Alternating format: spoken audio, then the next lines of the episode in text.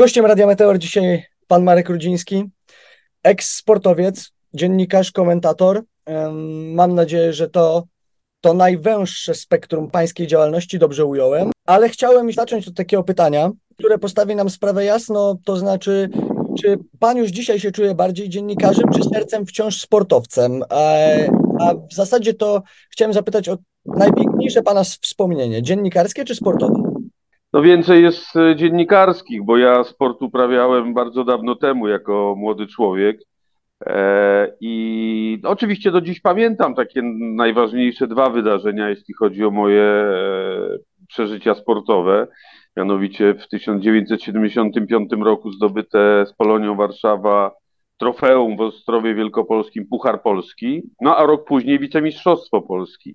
E, to były takie dwa najważniejsze wydarzenia. Trzecim może udział w takich rozgrywkach międzynarodowych, wtedy to był Puchar Koracza. Polonia grała mm, ze standardem Lierz. Pamiętam, że, że w tych e, meczach też brałem udział.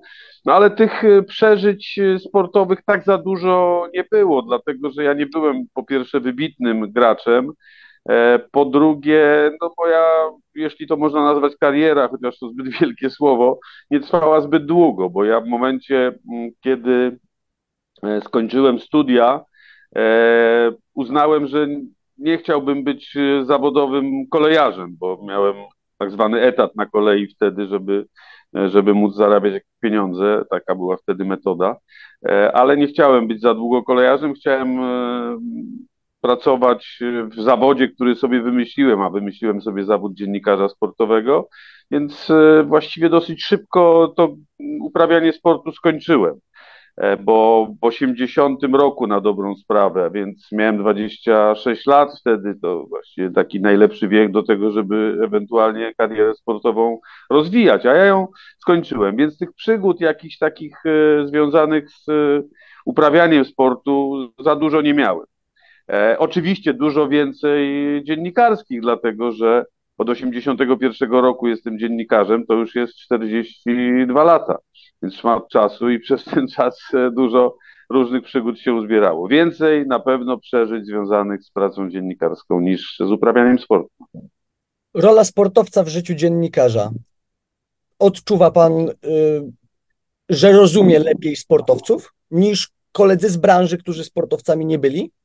Trudno powiedzieć, czy, czy oni odczuwają mniej e, niż ja, ale wydaje mi się, że w niektórych sytuacjach to, że się było sportowcem, trochę pomaga zrozumieć e, sportowców, e, właśnie już będąc po drugiej stronie barykady, jeśli tak można powiedzieć. Niewątpliwie to, że człowiek uprawiał sport, że trenował, że czasami nie miał siły wrócić do domu po schodach, bo był tak zmęczony, że czasami trener niesłusznie e, miał do niego pretensje, albo sędziowie źle mecz posędziowali i się przegrało, chociaż powinno się wygrać. E, to oczywiście wszystko mm, jakoś czasami pozwala bardziej, tak mi się wydaje, rozumieć to, co dzieje się w sporcie, jeżeli się jest obserwatorem i komentatorem tego. Tak, niewątpliwie to, że się uprawiało sport, pomaga e, lepiej rozumieć sportowców, to, co dzieje się w wydarzeniach sportowych, ale nie oznacza to, że ci, którzy nie uprawiali, no, nie mogą tego zawodu uprawiać, bo to oczywiście jest y, przesada. Natomiast być może, być może e, czasami ktoś, kto był sportowcem, lepiej to rozumie.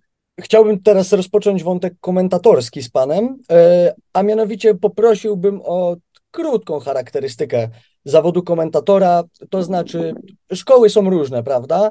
E, I tutaj chodzi mi w zasadzie o porównanie, czy uważa pan e, komentator jako zabawiacz, komentator jako ekspert, komentator jako tłumacz, ktoś, kto tłumaczy wydarzenia, które dzieją się na ekranie, charyzma, czy może merytoryka. Jakie byłoby pańskie credo?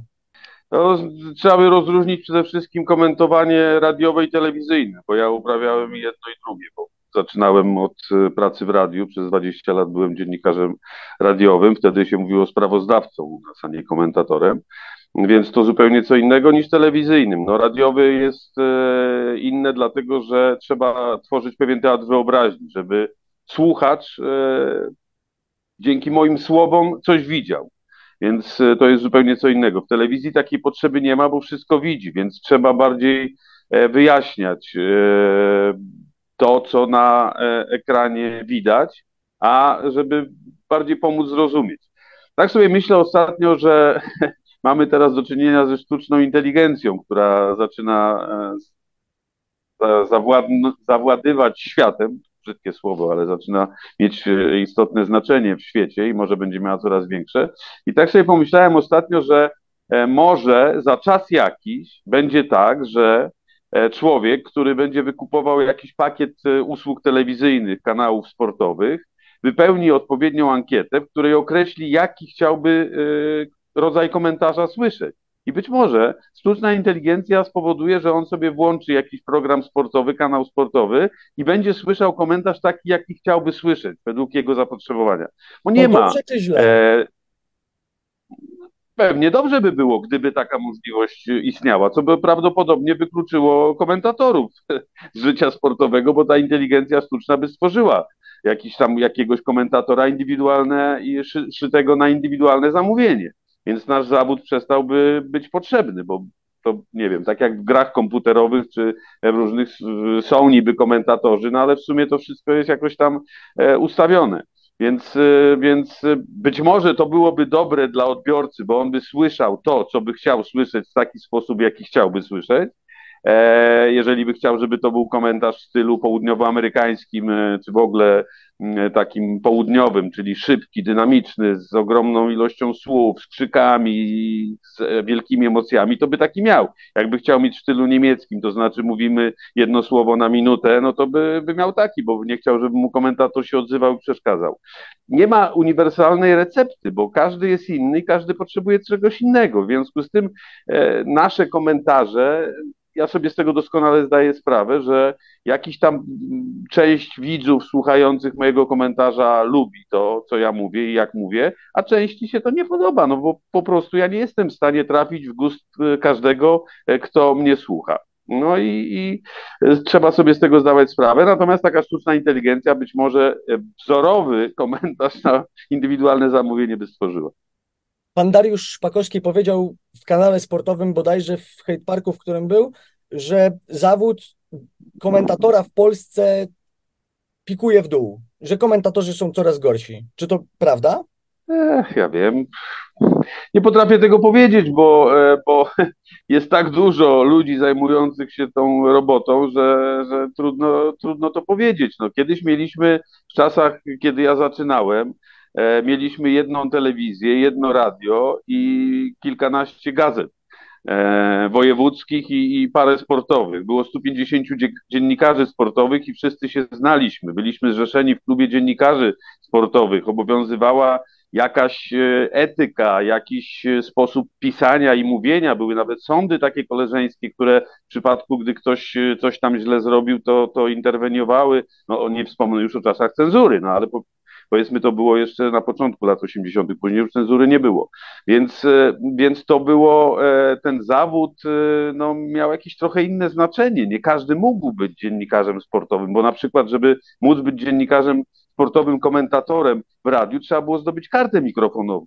Ja pamiętam taką sytuację, kiedy ja i jeden z kolegów ze sztandaru młodych, nasz szef chciał nas wziąć do radia, musieliśmy przez taki egzamin przejść i on nie przeszedł, nie dostał karty mikrofonowej. Teraz jest znakomitym komentatorem telewizyjnym od lat, ale wtedy karty mikrofonowej w radiu nie dostał. Ja zaczynając pokazywać się w telewizji musiałem e, przy, zdać egzamin na kartę ekranową, bo nie każdy mógł się pokazywać w telewizji. Trzeba było spełniać jakieś tam warunki. Więc e, inne były wymagania, inna była sytuacja. E, dzisiaj jest e, ilu dziennikarzy sportowych? Tysiące bo jest e, tysiące są mediów, bo, bo może być, o właśnie, przykład pana radia, e, o którym ja do tej pory nie słyszałem, a istnieje przykład e, internetu, w którym są kanały, gdzie ludzie się w taką robotę bawią, więc, więc na pewno jest to trudniejsze do ogarnięcia. Czy gorsze? Tego nie potrafię powiedzieć. Natomiast bez wątpienia kiedyś e, był to trochę bardziej, nazwijmy to, przepraszam za wyrażenie, może niewłaściwie elitarny zawód. Dzisiaj jest bardzo popularny. E, czy gorszy? Nie, nie, nie śmiem tego stwierdzić. Użył pan takiego słowa sprawozdawca. I tak mi się wydaje, czy dzisiaj to już nie jest archaiczne? Czy dziennikarz sportowy, sprawozdawca to chyba nie jest dzisiaj człowiek atrakcyjny w mediach? To znaczy sport, tak jak pan powiedział, jest bardzo wielu dziennikarzy sportowych i sport odjechał w stronę publicystyki. Bo wynik to ja sobie mogę sprawdzić. Dzisiaj to interesują nas opinie ludzi o tym, czy ktoś gra dobrze, czy źle. No tak, ale to jest, y, ja mówiłem o sprawozdawcy, bo w radiu mówiliśmy, że ktoś, kto, kto komentuje mecz y, czy jakieś zawody, no to on y, sprawozdaje. E, to się nazywało sprawozdawca, tak to się określało. Wtedy nie mówiliśmy o komentatorach. Komentator to był ktoś, kto e, przychodził do studia i na przykład ja robiłem z nim rozmowę. Pan Tomaszewski, Bogdan Świętej Pamięci, który już wtedy nie był komentatorem, bo już był na emeryturze, przychodził raz w tygodniu do audycji Kronika Sportowa i rozmawiał z nami, dziennikarzami, na różne tematy. I to był y, rodzaj komentarza jego do, do wydarzeń, które się działy. To jest tak jak teraz w polityce przychodzą ludzie do studia i komentują jakieś tam wydarzenia, czy dziennikarze, czy, czy fachowcy, eksperci. Natomiast ci, którzy zajmowali się opowiadaniem o trwającym na żywo meczu, to byli sprawozdawcy. W telewizji mówi się o nas wszystkich komentatorzy. No, ja wiem, no jest to jakby połączenie sprawozdawcy z komentatorem, bo jeżeli ja opowiadam o trwających zawodach w skokach narciarskich, to z jednej strony je relacjonuję, czyli robię jakieś sprawozdanie, z drugiej strony też w trakcie tych zawodów staram się je komentować, czyli analizować, czyli, czyli e, mówić, że coś było dobrze, czy coś źle i tak dalej, i tak dalej. Czyli to jest takie połączenie sprawozdawcy i komentatora, bo to jest e, narracja taka sprawozdawcza, nazwijmy to, i e, rodzaj komentarza takiego, no, żeby coś wyjaśnić, żeby coś e, ocenić. Więc to jest takie, tak mi się wydaje, połączenie tego. Przy takich transmisjach live. Chciałem zapytać Pana o igrzyska, bo ma Pan spore doświadczenie, jeżeli chodzi o igrzyska, i chciałem porównać, czym się różni przygotowanie do meczu jednostkowego, jako do, a lub do skoków narciarskich, jako do jednego konkursu, od przygotowania do igrzysk. No tak, ale to jest też kwestia tego, co się na tych igrzyskach robi. Ja zupełnie in, inaczej się przygotowywałem do igrzysk i pracowałem na igrzyskach, jak byłem dziennikarzem radiowym, a inaczej jak jestem telewizyjnym. Dlatego, że jak pracowałem w radiu, to jechaliśmy grupą powiedzmy około 10 osób na Igrzyska Olimpijskie i trzeba było w 10 osób obsłużyć e, ogromne zawody trwające 16 dni, kilkadziesiąt dyscyplin e, konkurencji, e, liczny udział Polaków. Więc e, trzeba było być przygotowanym znacznie bardziej szeroko, jeśli tak można powiedzieć, bo ja byłem jednego dnia wysyłany na zawody lekkoatletyczne, innego dnia na koszykówkę, jeszcze innego na zapasy, judo albo coś. Prowadziłem studio, robiłem wywiady, jeździłem do wioski olimpijskiej i tak dalej, i tak dalej. Także to była ciężka charuwa, w której trzeba było właściwie o wszystkim wiedzieć. Trzeba było się do wszystkiego przygotować. Natomiast ja teraz już jestem wyspecjalizowanym olimpijczykiem, jeśli tak można powiedzieć. Ja zajmuję się od lat lekką atletyką i koszykówką, jeśli chodzi o letnie Igrzyska Olimpijskie, więc ja się muszę przygotować z lekkiej atletyki i z koszykówki. To jest spore zawężenie, prawda, bo to są dwie konkurencje. Wprawdzie lekka atletyka jest królową sportu i bardzo, bardzo szeroko trzeba się do tego gruntownie przygotować, bo tego jest mnóstwo. E, w koszykówce trochę, trochę mniej, ale, ale to jest zupełnie co innego. To jest, e, to jest e, no, takie już zdecydowanie, zdecydowanie węższe przygotowanie. To już jest mniej trzeba się przygotowywać niż do tego, co robiłem w radiu. Ale przygotować się oczywiście trzeba. E, szczególnie do lekkiej atletyki, która jest, e, jest najtrudniejszym sportem do komentowania, dla mnie najwdzięczniejszym. Ja kocham lekką atletykę i bardzo lubię komentować, bo tam się mnóstwo cały czas dzieje. Tyle, że trzeba się do tego rzeczywiście przygotować, bo e, jest kilkanaście biegów kwalifikacyjnych na 100 metrów. Oczywiście nie o wszystkich ludziach, bo z bardzo egzotycznych miejsc się pojawiają na Igrzyskach Olimpijskich, mogę coś wiedzieć i muszę wiedzieć, ale jednym, dwóm, którzy biegną, powinienem coś powiedzieć, muszę na bieżąco reagować na to, co się dzieje, a dzieje się równocześnie kilka różnych konkurencji, biegi, rzuty, skoki, więc, e, więc to jest trudne i do tego się trzeba przygotować, ale ponieważ robię to już tak bardzo długo, więc e, mam opracowany system, jak się do tego przygotowywać. Na ogół komentujemy we dwóch, więc to też jest łatwiej, trochę się tą robotą dzielimy. Mm, nie jest to już w tej chwili problem. Poza tym e, różnica w przygotowaniach przed lat 30, a dzisiaj jest ogromna, no bo wtedy nie było internetu. wtedy był problem z dostępem do prasy zagranicznej. Dzisiaj mam wszystko w internecie, więc to jest zdecydowanie łatwiej. Ma już pan to opracowane. To jak, jak z tym zapałem? Czy pan się utożsamia z olimpijczykami, czy, czy pozostaje z boku y, z tym, tym, tym człowiekiem, który przyjechał tam wykonywać swoją pracę i wykonać ją dobrze? Chcę utożsamiać się, no w tym sensie chyba, że życzę szczególnie polskim sportowcom jak najlepiej. Bardzo się cieszę z każdego sukcesu polskiego sportowca i, i utożsamiam się z nimi, no bo chciałbym, żeby zdobywali medale, żeby uzyskali jak najlepsze wyniki. E, igrzyska sportowe są no, wielkim świętem. Dla każdego, kto na igrzyska jedzie, jest to wielkie przeżycie. Dla sportowca przede wszystkim, ale dla dziennikarza też. Jeżeli pojadę do Paryża w przyszłym roku, to będą moje dwunaste igrzyska, na których będę na miejscu, e, biorąc pod uwagę i letnie, i zimowe. No to jest, e, to jest duży wynik. Niewielu jest w Polsce dziennikarzy, ludzi, którzy byli na większej liczbie igrzysk. Więc to jest, to jest przeżycie. Każde igrzyska są, są dużym przeżyciem dla kogoś, kto jest na miejscu, kto może w tym brać udział. Dla mnie także. E, utożsamiam się, jak mówię, z polskimi sportowcami i cieszę się, jeżeli rywalizacja olimpijska stoi na wysokim poziomie, jeżeli dostarcza emocji, dostarcza wielkich przeżyć, no to jest, jest coś fantastycznego, szczególnie właśnie w lekkiej atletyce, bo, e, bo na ogół na Igrzyskach Olimpijskich, na Mistrzostwach Świata padają bardzo dobre wyniki, są, jest zacięta rywalizacja, jest, jest ogromnie wysoki poziom i to jest wspaniałe dla komentatora, dla kogoś, kto to przeżywa. Więc utożsamiam się i, e, i też staram się no, jak, jak najlepiej to relacjonować.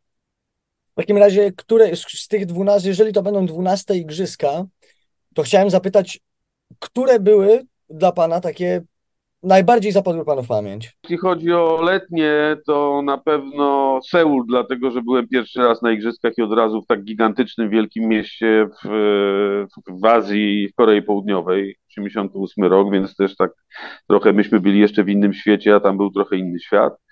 E, Barcelona, bo Barcelona była cudowna pod każdym względem 4 lata później. E, miałem przyjemność komentować e, Dream Team, słynny koszykarski, ich fantastyczne występy, cudowną lekkoatletykę. No, miasto, e, miasto było fenomenalne. No, Barcelona była cudowna pod każdym względem. I ostatnio Rio, bo Rio było też, e, też bardzo piękne. Mieszkaliśmy w znakomitym miejscu. Miałem przyjemność zabrać swoją żonę na te igrzyska, więc było nam bardzo miło razem.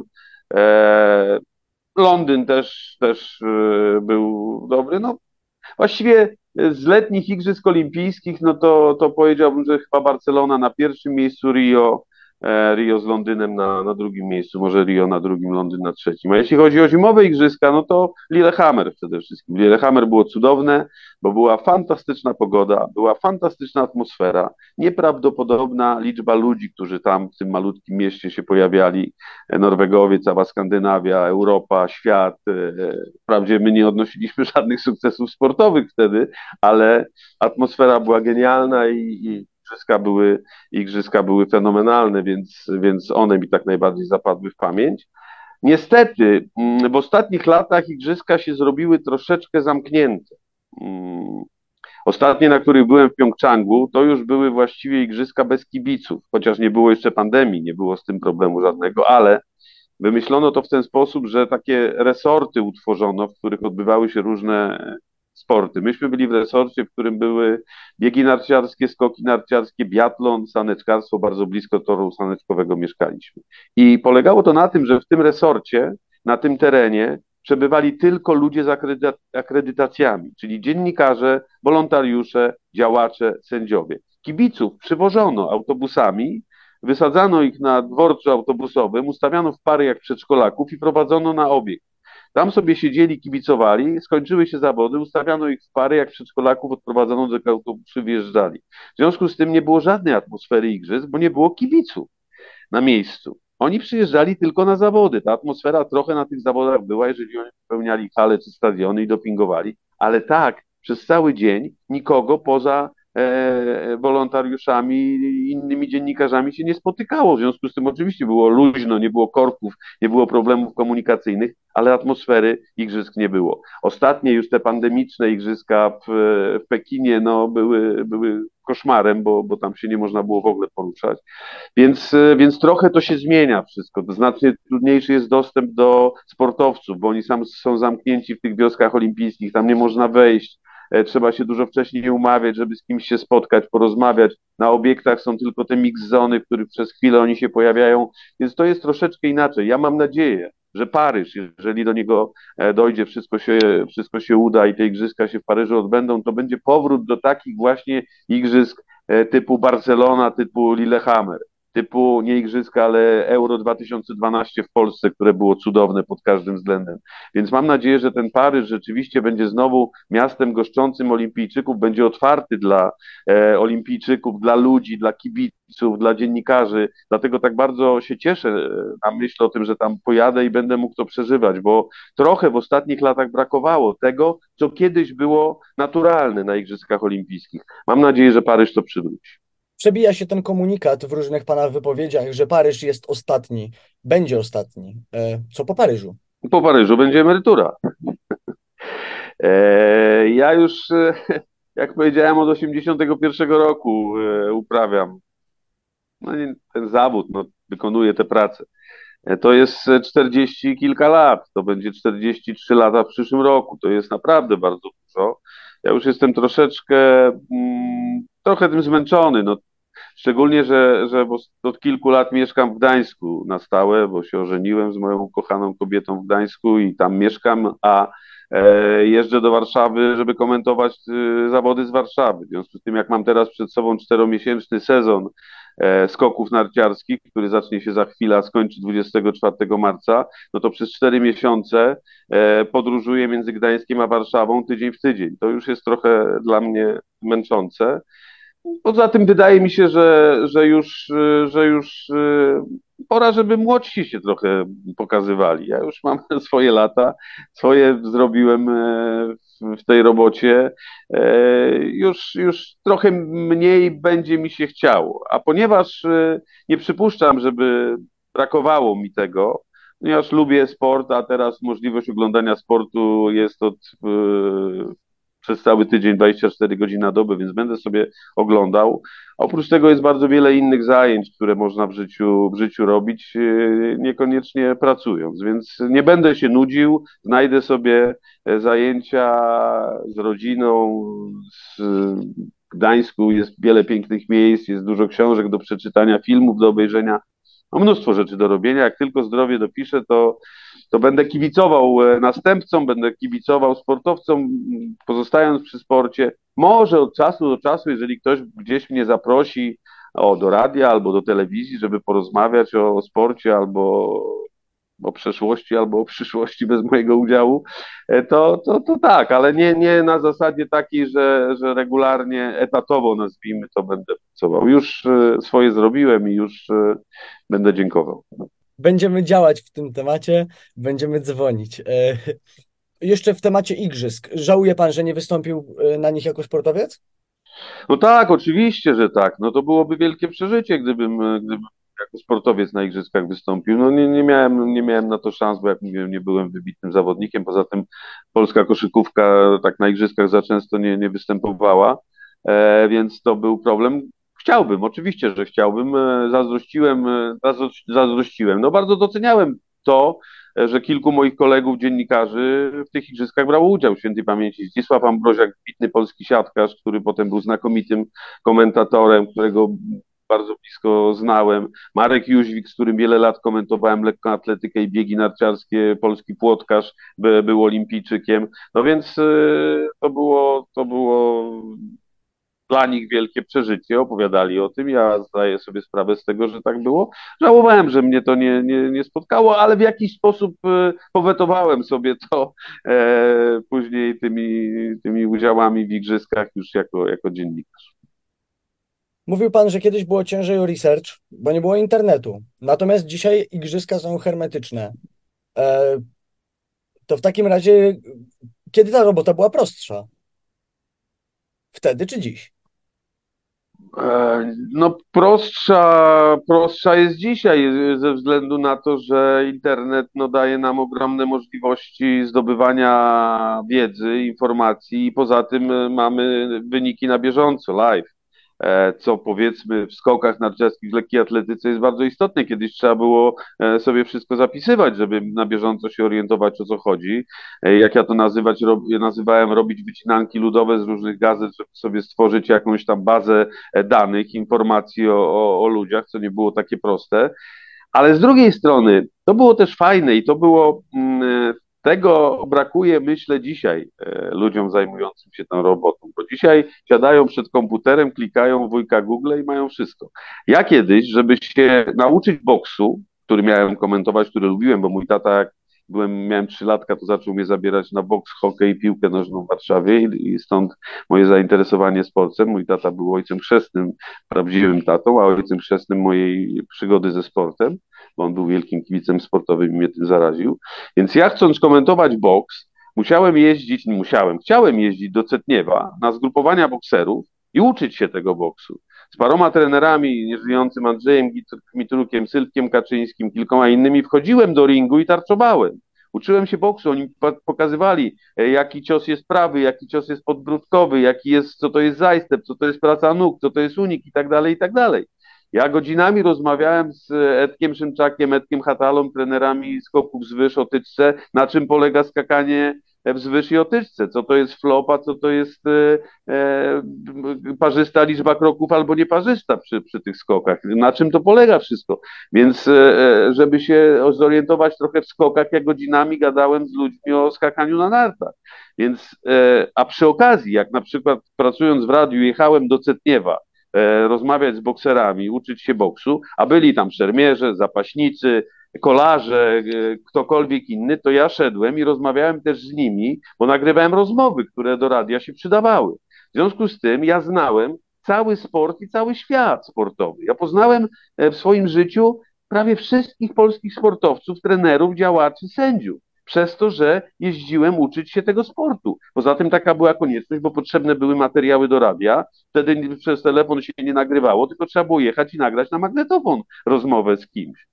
Dlatego ja się tego sportu uczyłem e, na własnej skórze, bezpośrednio, nie przez internet, którego wtedy nie było, tylko w rozmowach z ludźmi, patrzeniem na ich treningi, e, wjeżdżenie, e, jeżdżąc na zgrupowania, rozmawiając z zawodnikami, trenerami itd., tak itd. Tak to było piękne, bo ja się tego sportu uczyłem bezpośrednio, a przy okazji poznawałem ludzi.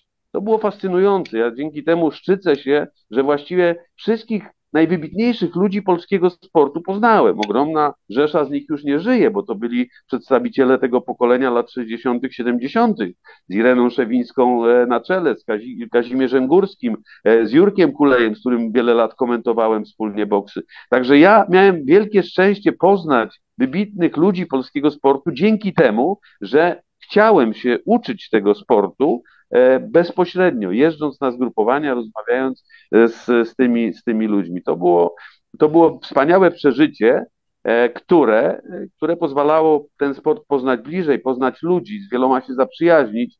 No, bezcenne. Naprawdę to było fantastyczne. Igrzyska rządzą się bardzo dużym rozstrzałem wszelkiego rodzaju dyscyplin i teraz mi się przypomniało, Kiedyś e, Edward Durda powiedział, że najdziwniejszym sportem, jaki musiał zrelacjonować, było sambo bojowe. Czy pan ma jakieś doświadczenie ze sportem typu niszowym, dziwnym? Specjalnie tak, e, tak mi się nie zdarzało, chociaż, e, chociaż nie, nie, nie komentowałem. Trudno to nazwać komentowaniem i, i trudno mówić, że to są sporty niszowe, ale kiedyś pomagałem na zasadzie takiego wprowadzania do studia, pomagania ludziom, którzy znali się na sporcie, a nie bardzo e, potrafili się znaleźć e, w kabinie komentatorskiej z mikrofonem i tak dalej. To były skoki do wody z, kubem, z Kubą Puchowem i piłkę wodną, którą pomagałem, e, nie pamiętam już nazwiska tego pana, który był kiedyś zawodnikiem, a potem trenerem piłki wodnej, więc, więc trochę musiałem się o tej piłce wodnej czegoś tam dowiedzieć i, i i z nim tam to robić, to nazwijmy, ale w cudzysłowie. Ja po prostu e, zaczynałem mówiąc dzień dobry, mamy i takie, takie zawody, grają ci ci, a komentować będą ci ci. Oddawałem mu głos, on opowiadał, ja ewentualnie, żeby zrobić mu krótką pauzę, mówiłem, że jest pierwsza kwarta i wynik jest taki i taki i ci w białych czepkach to są ci, a, a drudzy to inni, więc to trudno nazwać, że ja to komentowałem, po prostu pomagałem człowiekowi, który się na tym znał. Podobnie było w skokach do wody, których w ogóle nie rozumiem, nie, mam najmniejszych szans, żeby, a czy rozumieć, rozumiem, tylko żebym wiedział, ile zrobił obrotów i jakie śruby, no to, to nie. Natomiast Kuba Puchow się na tym znał, ale on trochę sam się bał e, w studiu być, bo w, w kabinie komentatorskiej być, bo, bo no tam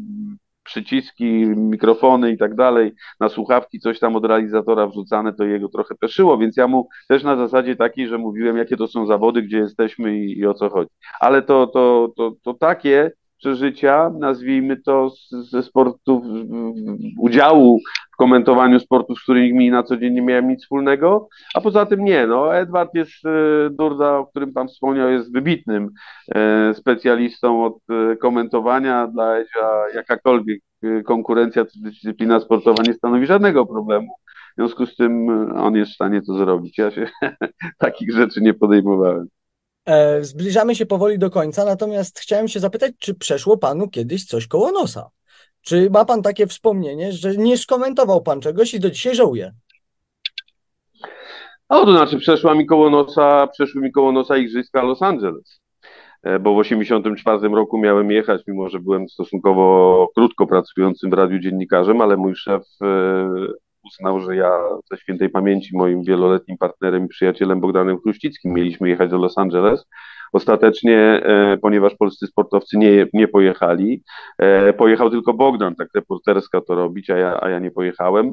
E, odbywały się w zamian za Igrzyska Olimpijskie tak zwane zawody przyjaźni, na które koledzy moi z radia właściwie na wszystkie pojechali, a ja, ponieważ miałem jechać do Los Angeles, to na żadne, na żadne nie pojechałem. No to mi tak najbardziej przeszło, przeszło koło nosa. czy coś jeszcze wielkiego? Chyba nie, bo bo właściwie te igrzyska były takim, e, takim e, wydarzeniem, które powinno mieć miejsce, które było szalenie rozczarowujące i przykre dla sportowców przede wszystkim, bo e, przygotowywali się do tych igrzysk i potem się okazało, że, że nie mogli startować. To było straszne. Dla niektórych była to jedyna szansa, żeby się na igrzyskach zaprezentować, zdobyć medal, a, a przeszło im to koło nosa.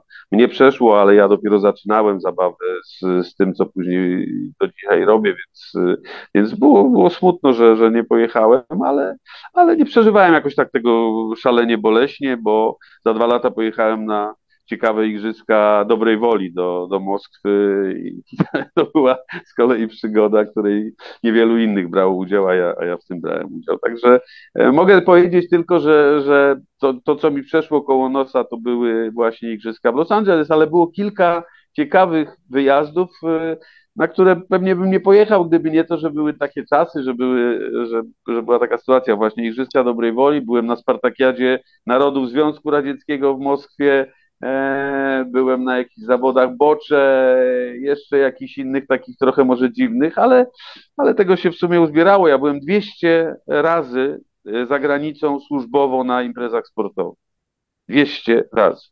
To jest e, dosyć Ogrom dużo. pracy. Dziękuję panu bardzo za tę rozmowę, za poświęcony czas. Moim gościem i gościem Radia Meteor był dzisiaj pan Marek Rudziński. Bardzo budująca rozmowa. Jeszcze raz panu dziękuję za dziś. Dziękuję bardzo, pozdrawiam słuchaczy, pozdrawiam pana, dziękuję. Dziękuję, do widzenia. Do widzenia.